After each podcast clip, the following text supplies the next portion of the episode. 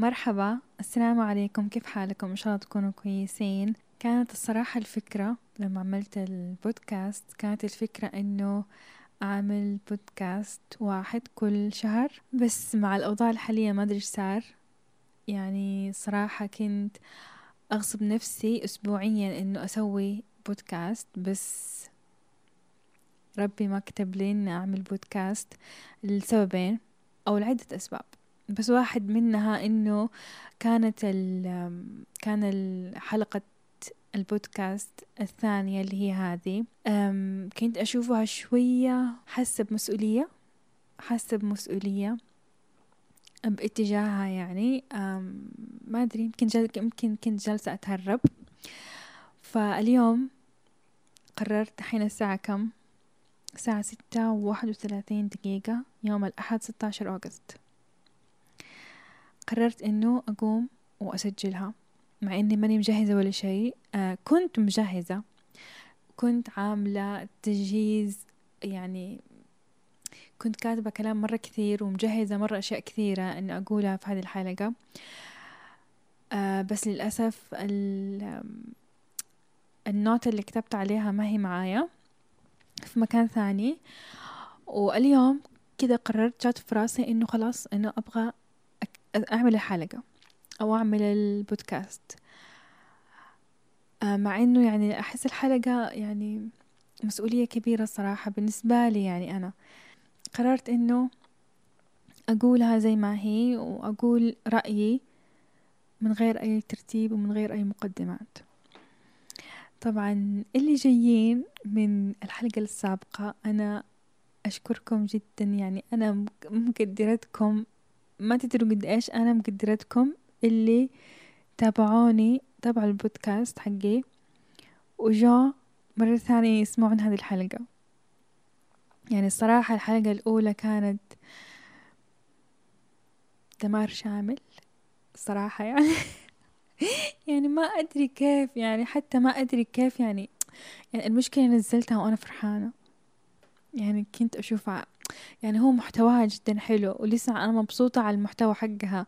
بس الميكروفون ما كان كويس مرة الصوت ما كان كويس ما أدري كيف كنت ما أدري. بس اللي جاييني من الحلقة السابقة أنا جدا مقدرتكم وفرحانة ويعني إحنا مرينا بتجربة كانت صعبة. بنكمل إن شاء الله تكون هذه التجربة كويسة. أفتكر الحلقة اللي فاتت كنت ما كان عندي ميكروفون كنت فاتحة اللابتوب وجايبة هذا الشيء اللي نحط فوق الكاميرا اللي هي اللي هو اللي مانع اللي اللي يشيل صوت الهواء والرياح وزي كذا اللي شكله كذا زي الفار. شلته تخيلوا حطيته على السماعة حقت اللابتوب و... وأنا مرة مقربة كذا وجهي من اللابتوب وجالسة أتكلم. لما رجعت أسمع الحلقة مرة الحلقة كانت يعني المحتوى جيد محتوى مرة حلو بس ما أدري الصوت مرة كان مو كويس. آه اشتريت مايك جديد اللي هو هذا اللي سامعيني منه. إن شاء الله الصوت يكون كويس. آه وشكرا مرة شكرا. وللناس اللي قاعدين يتابعوني من جديد أو أول مرة يسمعوا البودكاست إن شاء الله تكون تجربتكم أحلى من تجربتهم. بس شو الحلقة؟ الحلقة محتواها مرة حلو.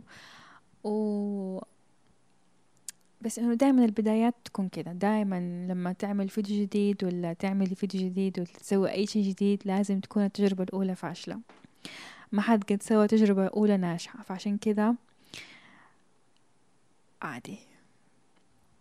كمان الشيء الثاني اللي كان في البودكاست الأول إنه خليني أحكيكم شيء. طيب أنا عندي قناة في اليوتيوب. طيب آه فالفيديو آه لما كنت أصور الفيديو كانت دايما تطلع آت مني. المهم فكان في إمكانية في الفيديو إنه أنا أقدر آه، أقص يعني الأماكن اللي فيها آت. لكن المهم فالبودكاست اللي فات كنت أنا على بالي إنه نفس الفيديو يعني عادي بس إنه صوت. لأنه حتى أنا في الفيديو عادي أقص الصوت. ف لما جاء لما سجلت البودكاست الأول عادي سويت زي ما أنا متعودة في اليوتيوب إنه أقص الصوت. بعدين لما سمعت البودكاست طبعا بعدين بعدين بعدين بعد ما مرت فترة الفرحة الفرحة حقتي. آه حسيت إنه مرة غلط ما كأنه بودكاست يعني البودكاست زي كذا إنه أجلس أتكلم. إنه ما في وقفات ويعني ما في أجزاء. المهم إنه يعني كانت حلوة الحلقة وروحوا شوفوها. و... وشكرا للناس اللي رجعوا من هذيك الحلقة وشكرا للناس اللي علقوا لي. ف أه بحاول في هذا البودكاست إنه ما أقول اءات كثيرة وبحاول إنه يكون الكلام كذا. يعني تسجيل مرة واحدة مو أكثر مو تسجيل أكثر من مرة. مع إني أنا قلت لكم ماني مرتبة. ولا شيء. حقول لكم رأيي عشوائيا في الكتب مع إنه الحلقة يعني حاسة مسؤولية كبيرة والله العظيم حاسة مسؤولية كبيرة تجاهها. وإن شاء الله تعجبكم يا ربي. طيب قبل ما نبدأ خليني أعرفكم بنفسي. غير إن أنا اسمي هوازن. خلاص تعرفنا إحنا في الحلقة اللي فاتت. طيب أعرفكم على شخصيتي. أنا إنسانة كلجة فممكن شيء ثاني ممكن أكل الحروف. ممكن ما أنطق الحروف بطريقة صحيحة أو الكلمات بطريقة صحيحة. وشيء ثالث شفتوا كيف؟ ما بوقف. والشيء الثالث إنه للأسف ما عندي معجم كلمات عربية. حتى معجم يعني كلمات إنجليزية ما عندي. يعني معجم كلمات عربية ما عندي. فراح تشوفوا أغلط في الكلمات راح أكون كلجة وراح أكل بعض الحروف وما حي وحتشوفوني حردد نفس الكلمة أكثر من مرة ف خلاص يعني أنتوا دحين عرفتوني تقبلوني زي ما أنا زي ما أنا متقبلتكم زي ما أنتوا. فتقبلوني زي ما أنا. أنا يا أنا كده هوازن أنا كلجة. طيب؟ للأسف شديد يعني ولا يعني أزيدكم من الشعر بيت.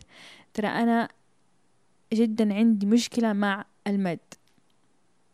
يعني إذا شفتوني في كلمات أمد وهو كلمة ما فيها مد عادي مشوا مشوا الموضوع مرة مش الموضوع. أنا إنسانة جدا عندي مشكلة مع المد وكثير ناس حاولوا يصلحون هذه المشكلة من زمان. وإلى الآن ما هي راضية تتصلح.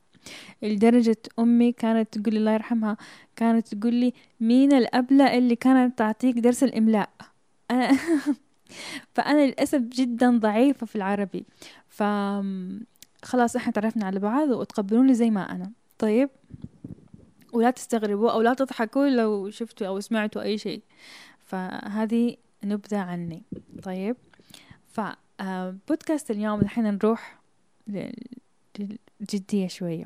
طيب؟ لأنه أنا فعليا والله والله مرة حاسة بالمسؤولية بهذا البودكاست. وأبغى أعطيه حقه وفي نفس الوقت خايفة. طيب. فخلينا للناس اللي أول مرة يسمعوا البودكاست خلينا أقول لكم عن هذا البودكاست.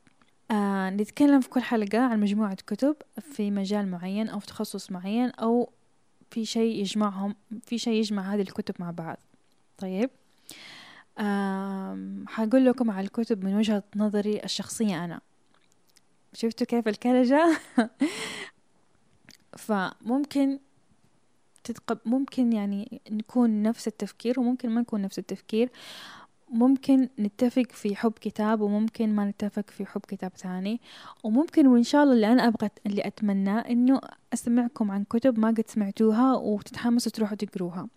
أنا الهدف الأساسي من هذا البودكاست الصراحة إنه أبغى أبغى أسوي مجتمع لناس يحبوا الكتب وكلنا نجتمع في مكان واحد.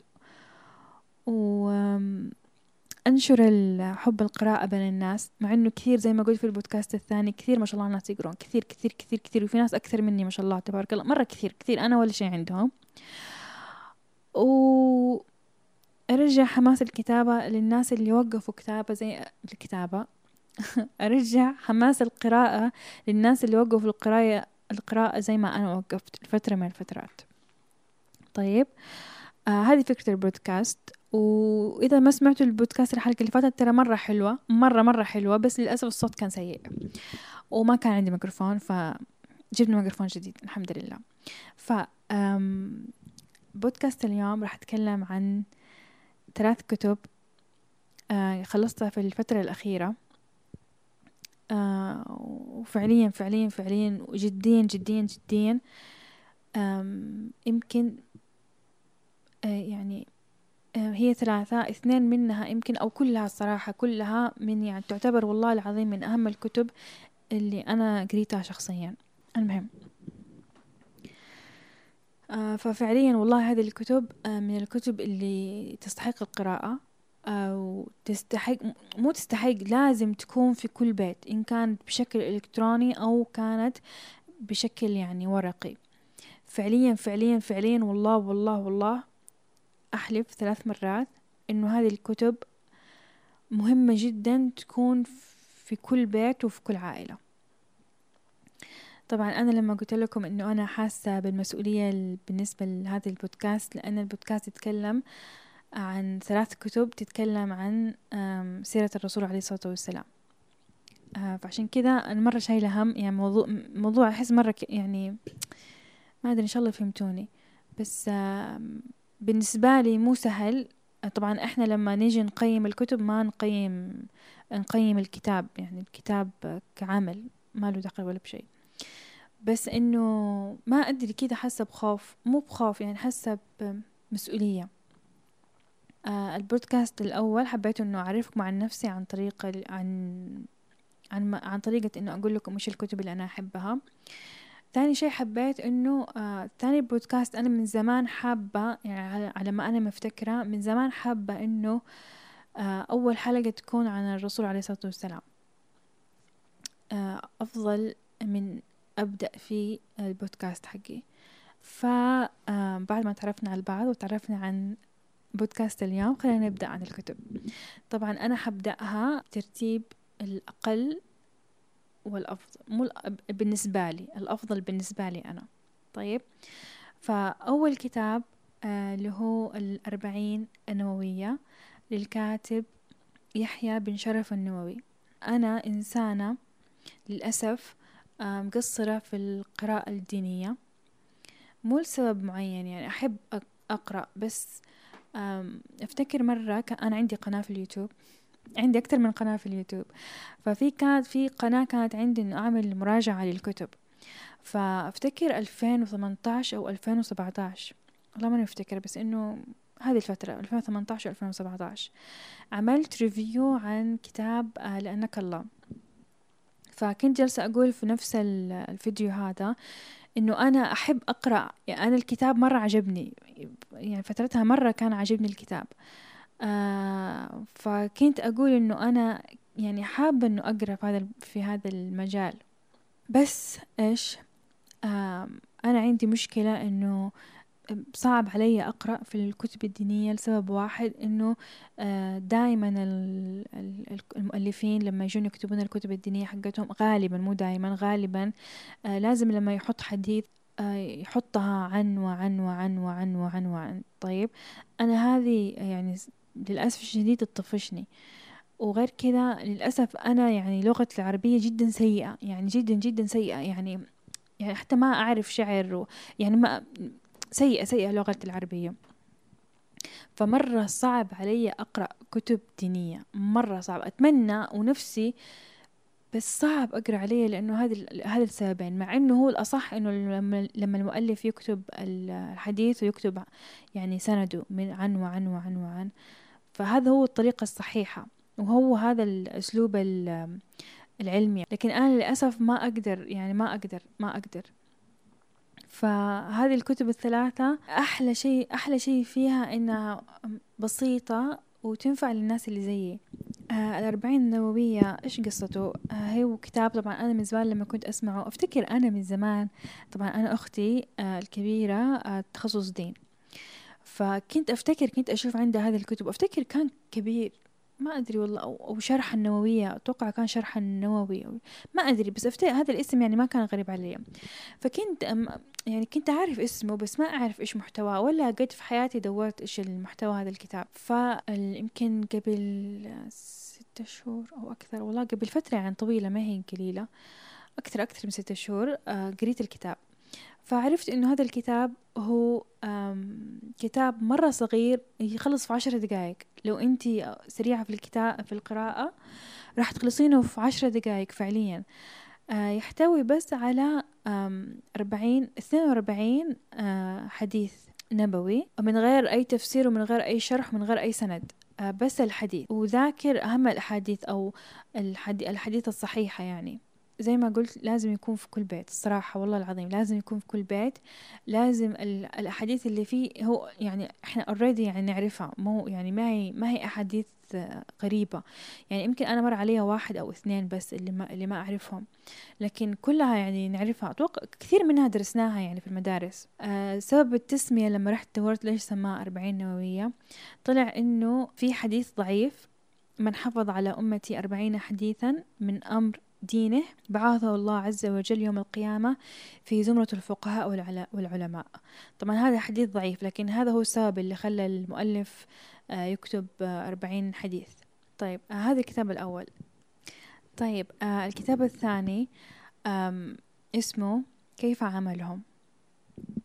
هذا الكتاب أنا هذه السنة عرفته لا 2019 عرفت عنه عن طريق واحدة في السناب شات. الكتاب باختصار هو كيف الرسول عليه الصلاة والسلام عامل جميع مختلف شرائح المجتمع. فحبيت مرة أعرف كيف الرسول عليه الصلاة والسلام كيف كان يتعامل مع مع الناس كيف كيف كان يتعامل في مواقف معينة.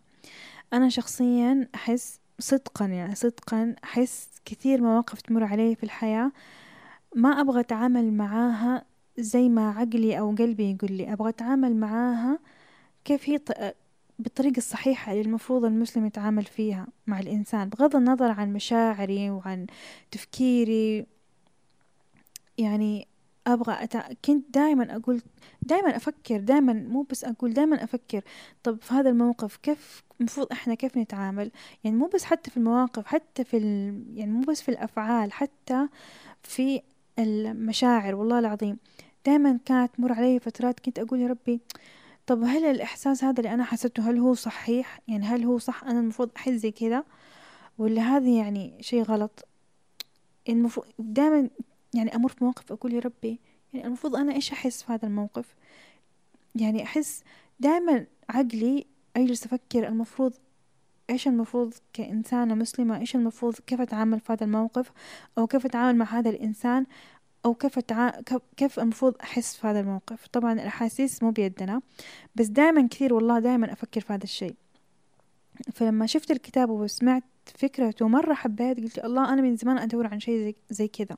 فالكتاب يتكلم عن كيف الرسول عليه الصلاة والسلام يتعامل مع البشر. للأسف الكتاب ما يتكلم كيف أتعامل في المواقف وأنا صراحة كنت هذا الجزء أبغى أكثر من كيف أتعامل مع البشر.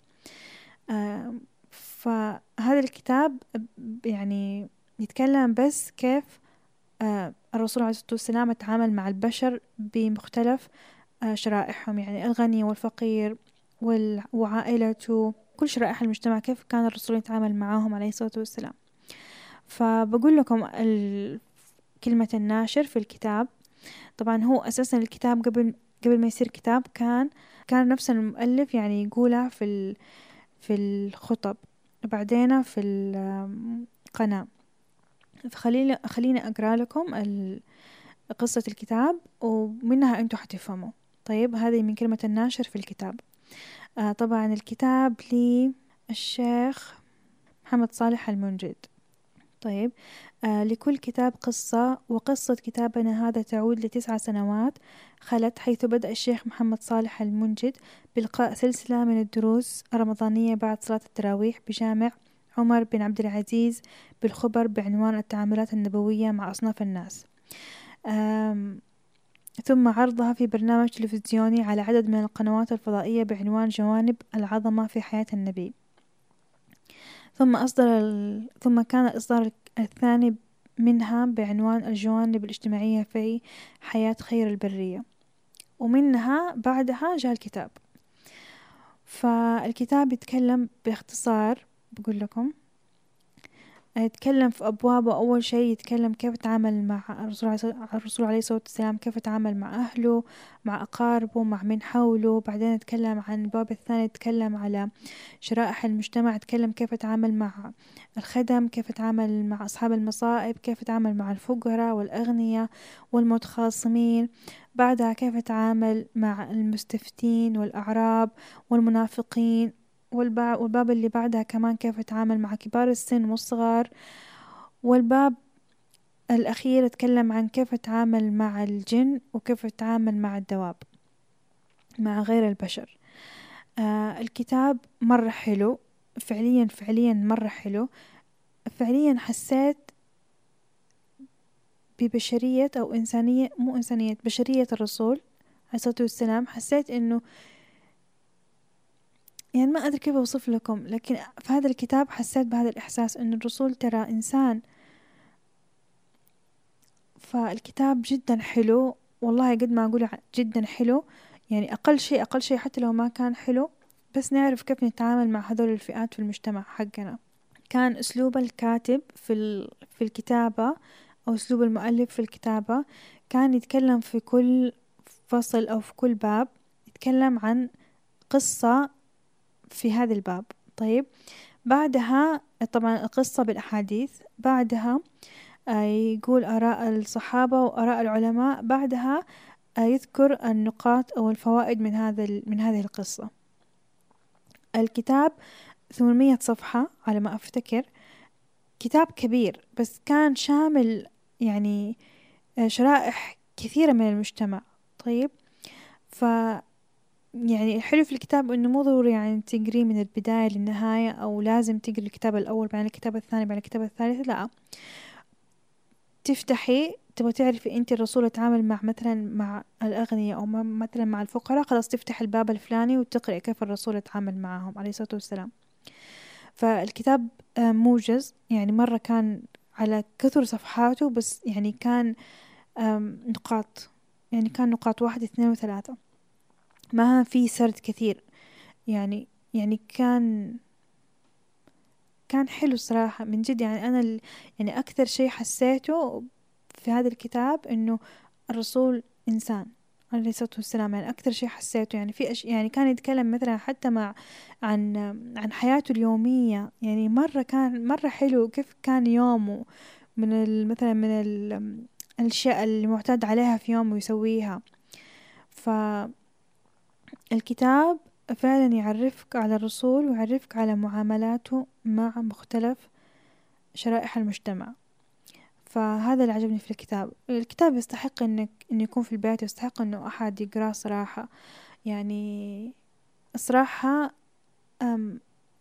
يستاهل كل صفحة فيه. حتى لو كان الكتاب أكثر من 800 صفحة كنت راح أحب يعني. أو حتى لو كان أكثر من جزء كنت راح أحب الصراحة فبس النقطة الوحيدة اللي اللي اللي ما حبيتها مو اللي ما حبيتها إن أكيد أنا متوقع إنه كيف أتعامل في المواقف.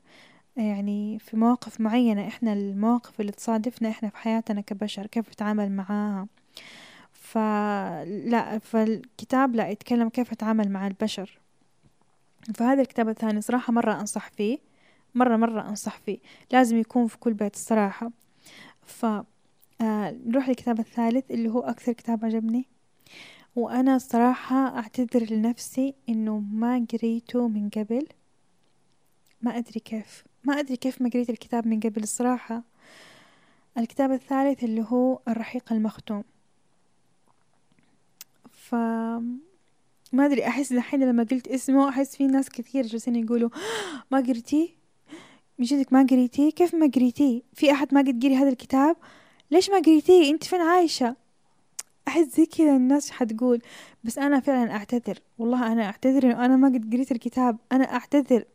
يعني صراحة اللي قريوا الكتاب عيب عليكم ما قلتوا للناس عن هذا الكتاب. والله عيب عليكم. الكتاب علم يدرس. كلمتين. الكتاب علم يدرس. الكتاب هذا لازم يكون في المناهج في الجامعات في الابتدائية في المتوسط في الثانوي. هذا الكتاب عمل محترف الصراحة. وأنا جدا أعتذر لنفسي إنه ما قد قريت هذا الكتاب. أنا أعرف اسمه أعرف اسم الكتاب بس كالعادة ما أعرف إيش كان ما كنت أعرف إيش كان يتكلم عن إيش. طيب. فللأسف الكتاب ما قد قريت عنه. كنت أعرف اسمه الرحيق المختوم لكن آه يعني ما كنت أدري يتكلم عن إيش. ولا كنت أدري أصلا إنه يتكلم عن السيرة النبوية. بعد الأسف وبعد الندم إنه ما قد قريت الكتاب أقول لكم عن الكتاب. الكتاب يتكلم عن السيرة النبوية. طيب. الكتاب للشيخ صفي الرحمن. توقع إذا أنا ماني غلطانة أنا ما قريت عن الكاتب كثير المؤلف كثير الصراحة فاعذروني إذا أنا قلت آه يعني شيء غلط عن الكاتب أو معلومة خطأ عن الكاتب. أتوقع الكاتب كان من جنسية آسيوية. أتوقع باكستاني أو شيء ما أعرف. يعني من جنسية ما هي ما هي عربية يعني. آه، ففكرة الكتاب كيف طلعت؟ كانت رابطة العالم الإسلامي في مكة عاملين مسابقة عن آه، من يكتب أفضل سيرة نبوية عن الرسول عليه الصلاة والسلام. فهذا الكتاب أو هذا البحث آه، فاز في في هذه المسابقة. فمنها طلع هذا الإنتاج أو هذا العمل الرهيب.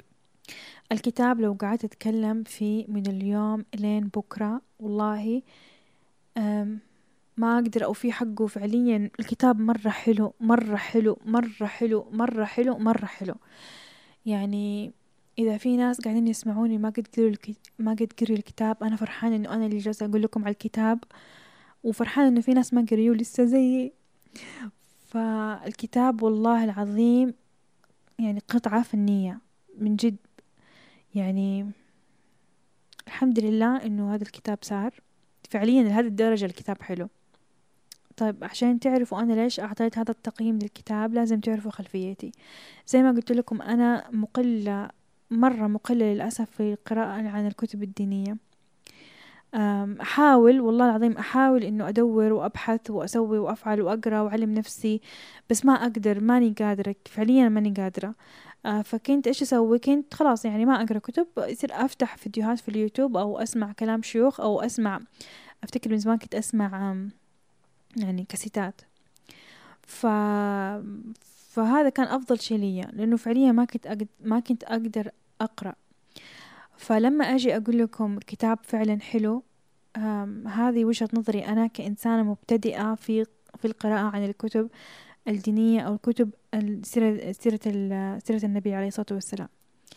فممكن يكونون في ناس ما شاء الله معرفتهم أكثر مني حيعتبر هذا الكتاب مرحلة بدائية؟ مو بدائية. أقدر أقول إنه هذا الكتاب يعتبر يعتبر مستوى مبتدئ آه لهم وأنا بالنسبة لي يعني مستوى صراحة مرة عالي.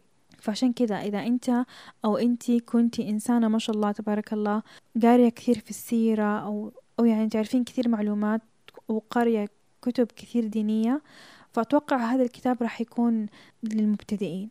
أنا بالنسبة لي صراحة في معلومات كثيرة أول مرة أعرفها ما قد عرفتها فعشان كذا راح أقيمه بالنسبة لي أنا. أعلى من ممتاز وأعلى من أعلى من كامل. ما في شيء كامل بس من جد كتاب يستحق القراءة يستحق إنه لازم يكون في كل بيت. مو يستحق لازم يكون في كل بيت لازم كل أحد يقرأ. وأنا جالسة أقرأ والله كنت أفتكر دحين جالسة أفتكر وأنا جالسة أقرأ والله فعليا كنت مستمتعة وكنت فعليا جالسة يعني بالساعات عليه. ما وبعدين يعني مو مو قراءة سريعة قراءة حبة حبة وأرجع بعدين أرجع أقرأ وأرجع. لا هنا إيش قصد؟ فعليا زي كذا وأنا جالسة أقرأ. فمرة استمتعت بقراءة هذا الكتاب. طبعا أرجع أقول اسمه الرحيق المختوم. طبعا الكتاب آه، يا الله مرة حلو. قاعدة أفتكر البداية. أنا أكثر شيء عجبني في الكتاب البداية. بعدين حقول لكم عن النهاية. بس البداية آه، بدأ الكتاب آه، أول شيء إنه كان يتكلم عن القبائل اللي في في الجزيرة العربية يفصلها بالتفصيل قبيلة قبيلة ومن وكل قبيلة من فين جات فعليا. واللي كمان عجبني في الكتاب إنه كل شيء كل حدث يقول لك إياه بالتاريخ. مو بس بالتاريخ الميلادي بالتاريخ الهجري وبالتاريخ الميلادي. كل شيء. ومو بس بالعام باليوم وبالشهر. ويعني بالتفصيل التفصيل الممل كل شيء بالتفصيل الممل. يعني كان في من زمان معلومات كنت أنا وأنا صغيرة أسأل أقول يا ربي طب ليش ما يعني ليش ما تقولون بالتفصيل هذه المعلومات؟ أنا بعرف. كانوا يقولون في أشياء مو مهم تعرفونها في أشياء ما حتفيدك إذا عرفتيها. فعلا في أشياء ما تفيدنا إذا عرفتها يعني. بس هذا الكتاب من جد أول كتاب أقراه كذا مفصل تفصيل كل شيء كل شيء مفصل وكل شيء لدرجة هو في بداية الكتاب يتكلم طبعا عن العرب وفين من فين جو وكل قبيلة من فين جو ويتكلم عن إبراهيم عليه السلام وإسماعيل عليه السلام وهاجر وحتى لدرجة إبراهيم كم مرة جاء عند إسماعيل كم مرة شافوا بعض يعني مرة مفصل. واللي أكثر اللي أنا صدمني واللي هذه المعلومة أنا أول مرة أعرفها إنه مفصل كل جزء في الجزيرة العربية وإيش الإله حقهم؟ لهذه الدرجة. وكمان آه، حكى كيف إنه مين أول شخص آه، دخل آه، الآلهة اللي هي الأصنام عندنا في الجزيرة العربية. فأنا أخذ نوتات. فين جوالي؟ خليني أقول لكم جوالي. فين جوالي؟ بسم الله. فأنا أخذ نوتات من الكتاب. معلومات مرة استغربتها ومرة حلوة. أنا مرة عجبتني. أول مرة زي ما قلت لكم إنه أنا أشوف في أحد مفصل زي كذا طبعا الكاتب في كتابه أنا بس بقول لكم نقطة واحدة الكاتب في الكتاب وطبعا يذكر الحديث الصحيح ويذكر الرواية الصحيحة والغير صحيحة. وفي نفس الوقت يقول لك إنه هذه قالوا عليها إنه هي رواية غير صحيحة وهذه وهذه يقال يعني صحيحة. يعني زي كذا يفصل لك. فمو كل شيء في الكتاب أتوقع لما فهمت مو كل شيء في الكتاب هو رواية صحيحة. بس في معلومات يعني مرة مفصل يعني مرة مرة مفصلها. جزاها الله خير على على الكتاب اللي كتبه.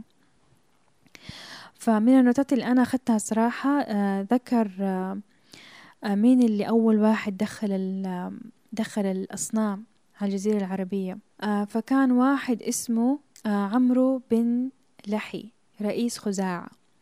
هذا كان شخص كان شخص الناس يحبونه وكان شخص يعني معروف إنه هو يعني آه، من أفضل العلماء وأفضل الأولياء. فهذا الشخص راح الشام. لما راح الشام طبعا كانوا أهل الجزيرة العربية كانوا كلهم آه، على دين إبراهيم عليه السلام. فهذا لما راح الشام آه راح شاف هناك وشاف إنه الناس جالسين يعبدون الأصنام. فلما سألهم قالوا له إنه هذا إله العزة وهذا إله مدري شو وهذا إله مدري شو. فصدقهم ليش؟ لأنه آه الشام كانت كانت منبع الأنبياء.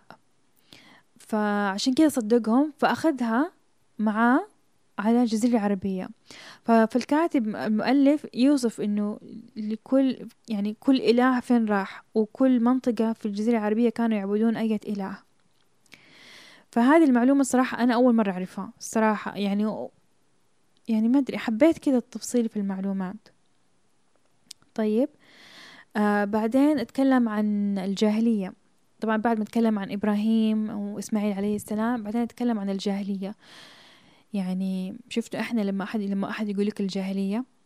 يعني أنا من زمان شخصيا لما أحد يقول لي الجاهلية كنت يعني خمر ربا سرقة إيش في كمان؟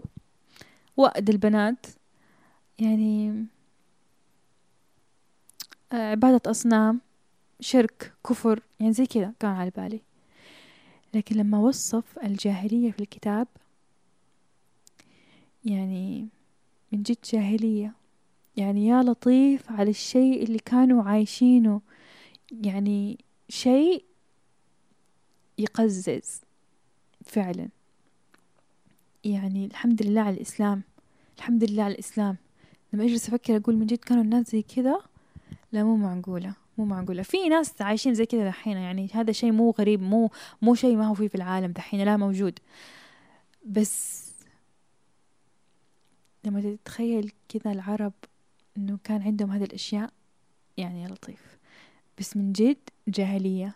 من جد جاهلية. يعني شيء أنا ما قد شفت ما توقعته يعني هذه السرقة ووأد البنات والربا استغفر الله. يعني يعني هذه يعني ولا شيء ولا شيء عند عندهم. يعني فعلا الجاهلية الجاهلية. فعلا أقروا عن أقروا هذا الجزء. يعني يا لطيف من جد يا لطيف. طيب؟ آه بعدها طبعا أتكلم آه لما أتكلم عن الجاهلية طبعا أتكلم عن الأشياء اللي في الجاهلية بعدين أتكلم عن ال عن إنه العرب كيف كانت شخصياتهم كيف كانت إيش إيش أتكلم عن عيوبهم وتكلم كمان عن عن ميزتهم.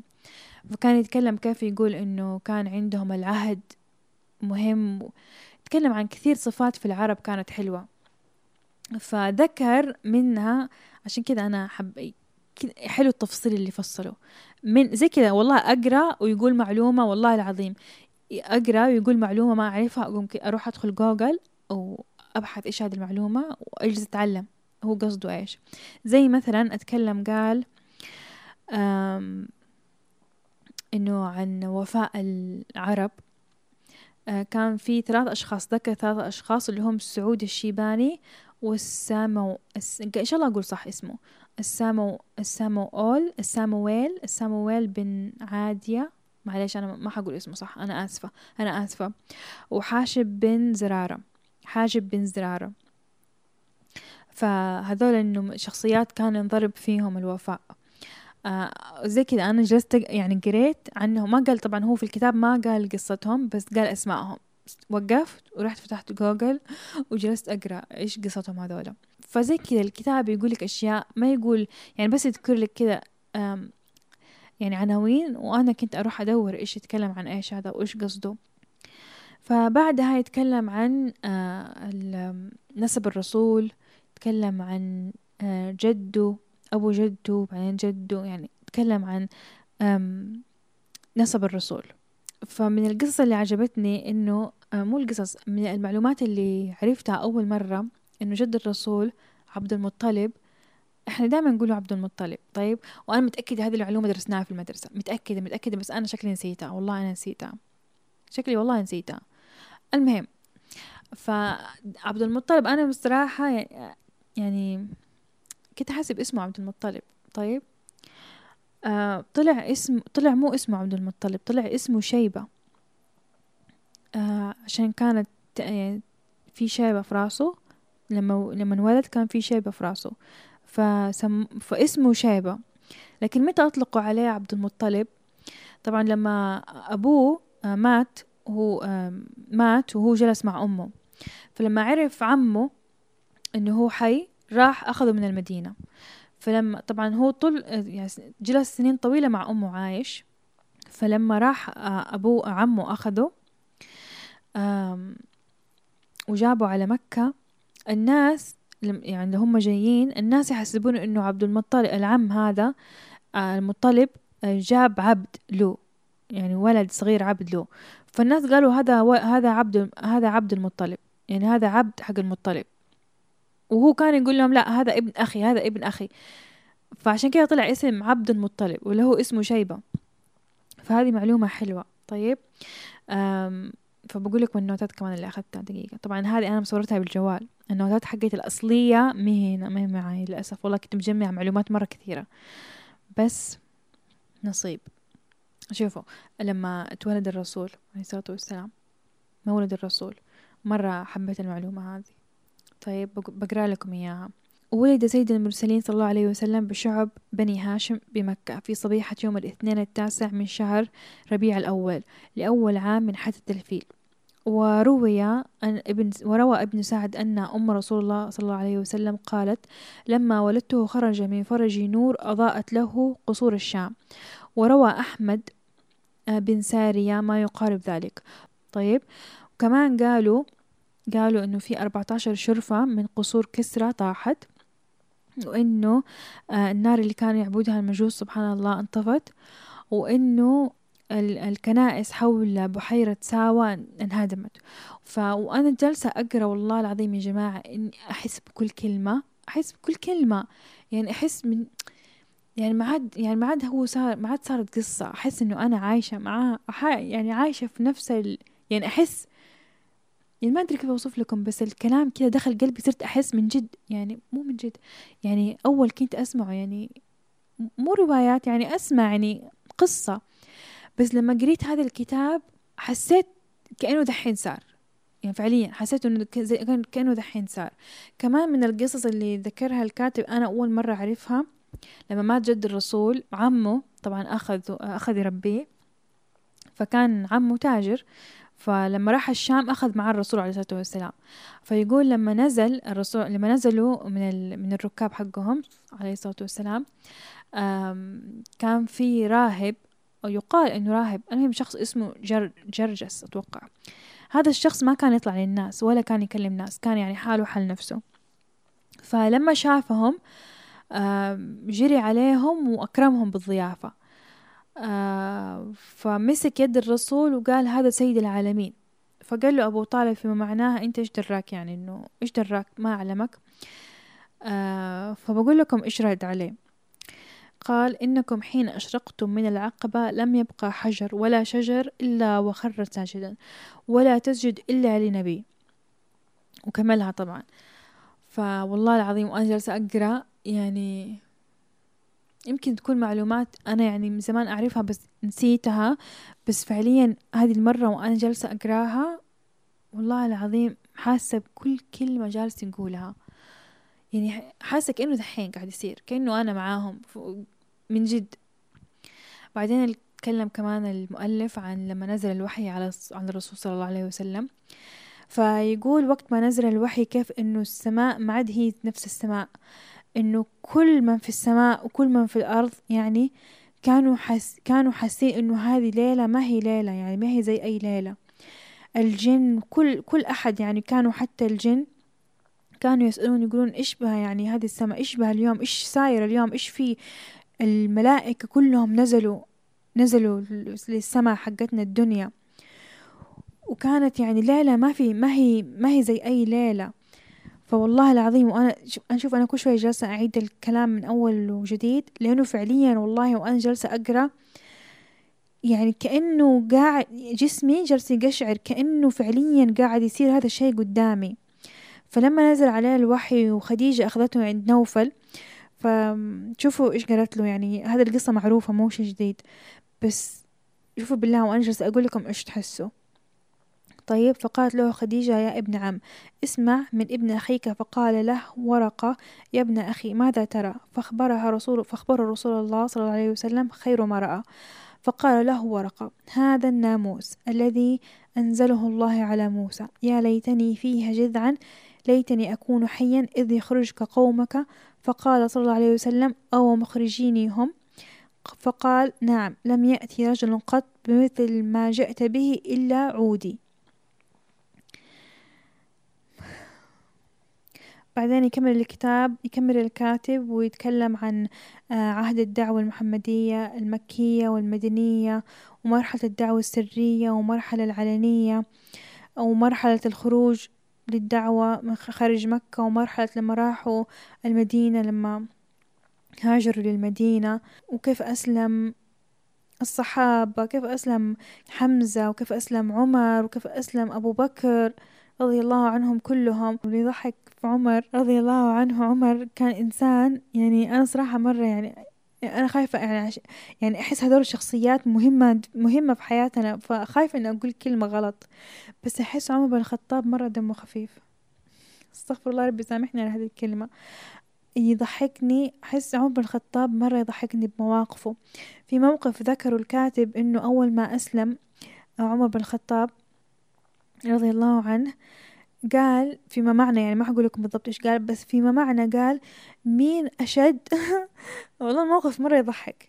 مين أشد واحد كرها للإسلام للرسول عليه الصلاة والسلام؟ فقالوا له فتخيلوا راح عنده وقال له إن أنا مسلم فصار يختار الناس اللي هم أشد عداوة للرسول وللإسلام عليه الصلاة والسلام.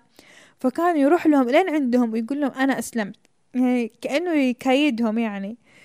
فيعني الموقف هذا صراحة لما قريت جلست أضحك من قلبي جلست أضحك.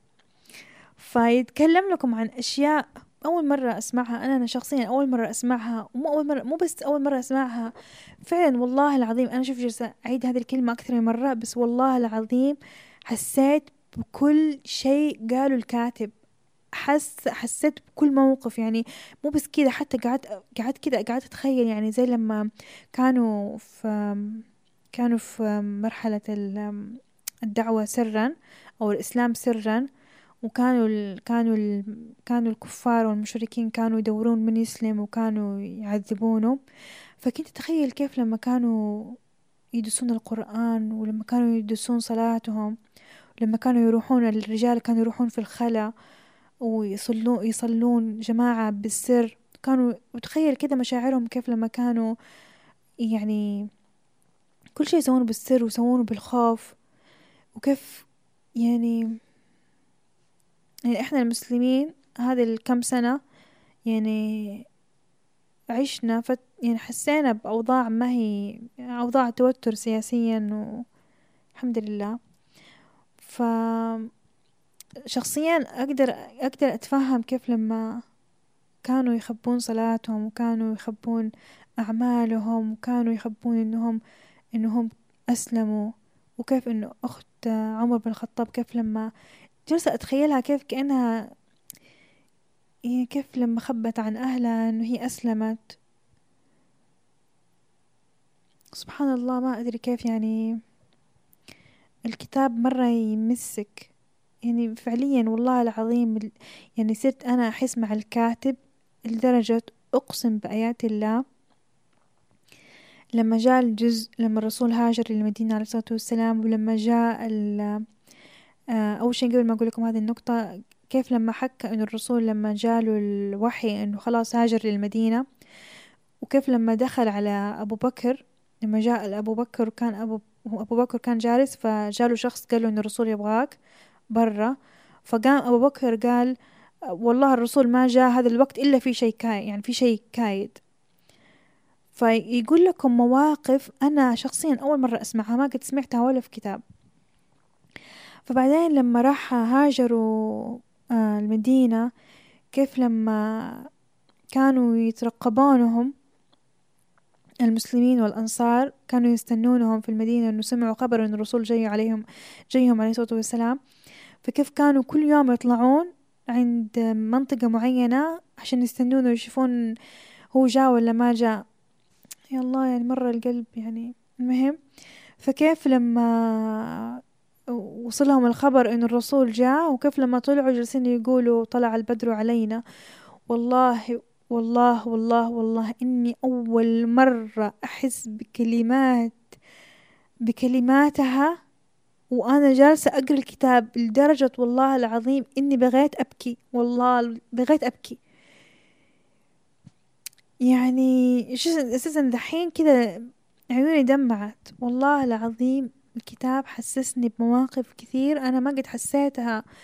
يعني على قد ما يعني درست هذا الشيء و... وأعرفه يعني شيء مو غريب علي بس هذا الكتاب حسسني بكل شيء حسيت يعني من جد كأني عشت مع الرسول ورجعت والله العظيم. وكيف يحكي لما راحوا لما وصل الرسول عليه الصلاة والسلام مع أبو بكر كانوا الناس ما هم عارفين مين الرسول. لما جاءهم جاء أبو بكر والرسول وجلسوا عند ال... وجاءوا داخلين فالناس جالسين يطالعون ما هم عارفين مين الرسول من أبو بكر. وساكتين يطالعون. مين هو؟ يا رب من هو الرسول؟ من هو أي واحد الرسول؟ بعدين لما وصلوا عند النخلة وفرد أبو بكر الفرشة للرسول عليه الصلاة والسلام عرفوا أنه هذا الرسول. فكذا الكاتب يحكي مواقف بسيطة لهذه الدرجة تحسسك يعني الكتاب يعني حلو حلو حلو حلو مرة حلو. كمان في موقف هذا آخر موقف بقوله لأنه ما بضيع عليكم الكتاب الكتاب كبير مرة كبير. وحلو وفي أشياء كثير أنا ما قلتها بس كمان من المواقف اللي قريتها لما أول ما وصل الرسول أنا شو ما مفتكر الموقف زي الناس بس جالس في بالي إنه كيف اليهود عارفين يعني عارفين عندهم العلم. ف لما وصل الرسول كان في شخصين أنا والله ما بقول القصة خطأ بس في شخصين هذه المهم في شخصين يهود. راحوا هم عندهم إنه في رسول بيجي اسمه أحمد ومحمد وزي كذا فراحوا سمعوا إن الرسول جاء المدينة هم في المدينة. فسمعوا إن الرسول جاء فراحوا وشافوه ورجعوا. فلما رجعوا كانت في واحدة قريبتهم عند الباب تستناهم يعني. فدخلوا على البيت وهي كانت عندهم فهي اللي جالسة تحكي الموقف. فكانت حقي تحكي تقول إنه كيف عمها أتوقع وابوها إنه كيف كان يتصبب منهم العرق وكانوا يقولون هذا هو هذا هو. وكانوا خايفين وكأنه يعني هي تقول إنه أنا أول مرة أشوفهم بهذا الشكل إنه يعني خايفين خايفين إنه جاهم رسول يعني شيء يعني يعني خبر غير مفرح لهم. فلما قريت هذه الحادثة حسيت قعدت أقول يا الله يعني تخيل أنا في زمن يعني تخيل إحنا في زمنهم يعني عارفين إنه في رسول يبغى يجي. تخيلوا الموقف إحنا عارفين إنه في رسول يبغى يجي وإحنا منتظرين هذا الرسول. في أحد يبغى يجي. تخيل لما يجي لما نسمع إنه جاء. أنا حسيبكم بهذا التعليق وبهذا الموقف. أبغاكم تفكرون شوية فيه. آه وأتمنى أنه في ناس ما قد قروا الكتاب وأنا قلت لكم عليه عشان تروحوا تقروه عشان ما أحس نفسي أنه أنا آخر واحدة آخر واحدة أقرأ الكتاب. فعليا هذه ثلاث الكتب لازم تكون في مكتبة كل بيت. تتكلم عن كذا جانب من حياة الرسول. وبعدين أنا لما قلت لكم النقطة اللي ما عجبتني في الكتاب مو هي ما عجب مو ما عجبتني. الكتاب في الجزء الثاني من الكتاب بعد ما يتكلم عن الهجرة بعد الهجرة للمدينة بدأ يتكلم عن الغزوات. بدأ يتكلم بالتفصيل بالتفصيل بالتفصيل. الناس اللي يحبوا يقروا أنا للأسف ما كنت حابة أقرأ عن هذا الجزء. ما أدري يمكن بعدين في فترة من الفترات راح أهتم إنه أقرأ في هذا الجزء لكن حاليا صراحة مو مرة مهتمة. بس الناس اللي مهتمين يقرون عن الغزوات راح يعجبهم الكتاب. فالجزء الثاني من الكتاب وفي نص الكتاب يبدأ يتكلم فقط عن الغزوات أكثر شيء عن الغزوات يعني يمكن تسعين في المية من الجزء الثاني يتكلم عن الغزوات. فالكتاب في المجمل ما يتكلم عن شخصية الرسول.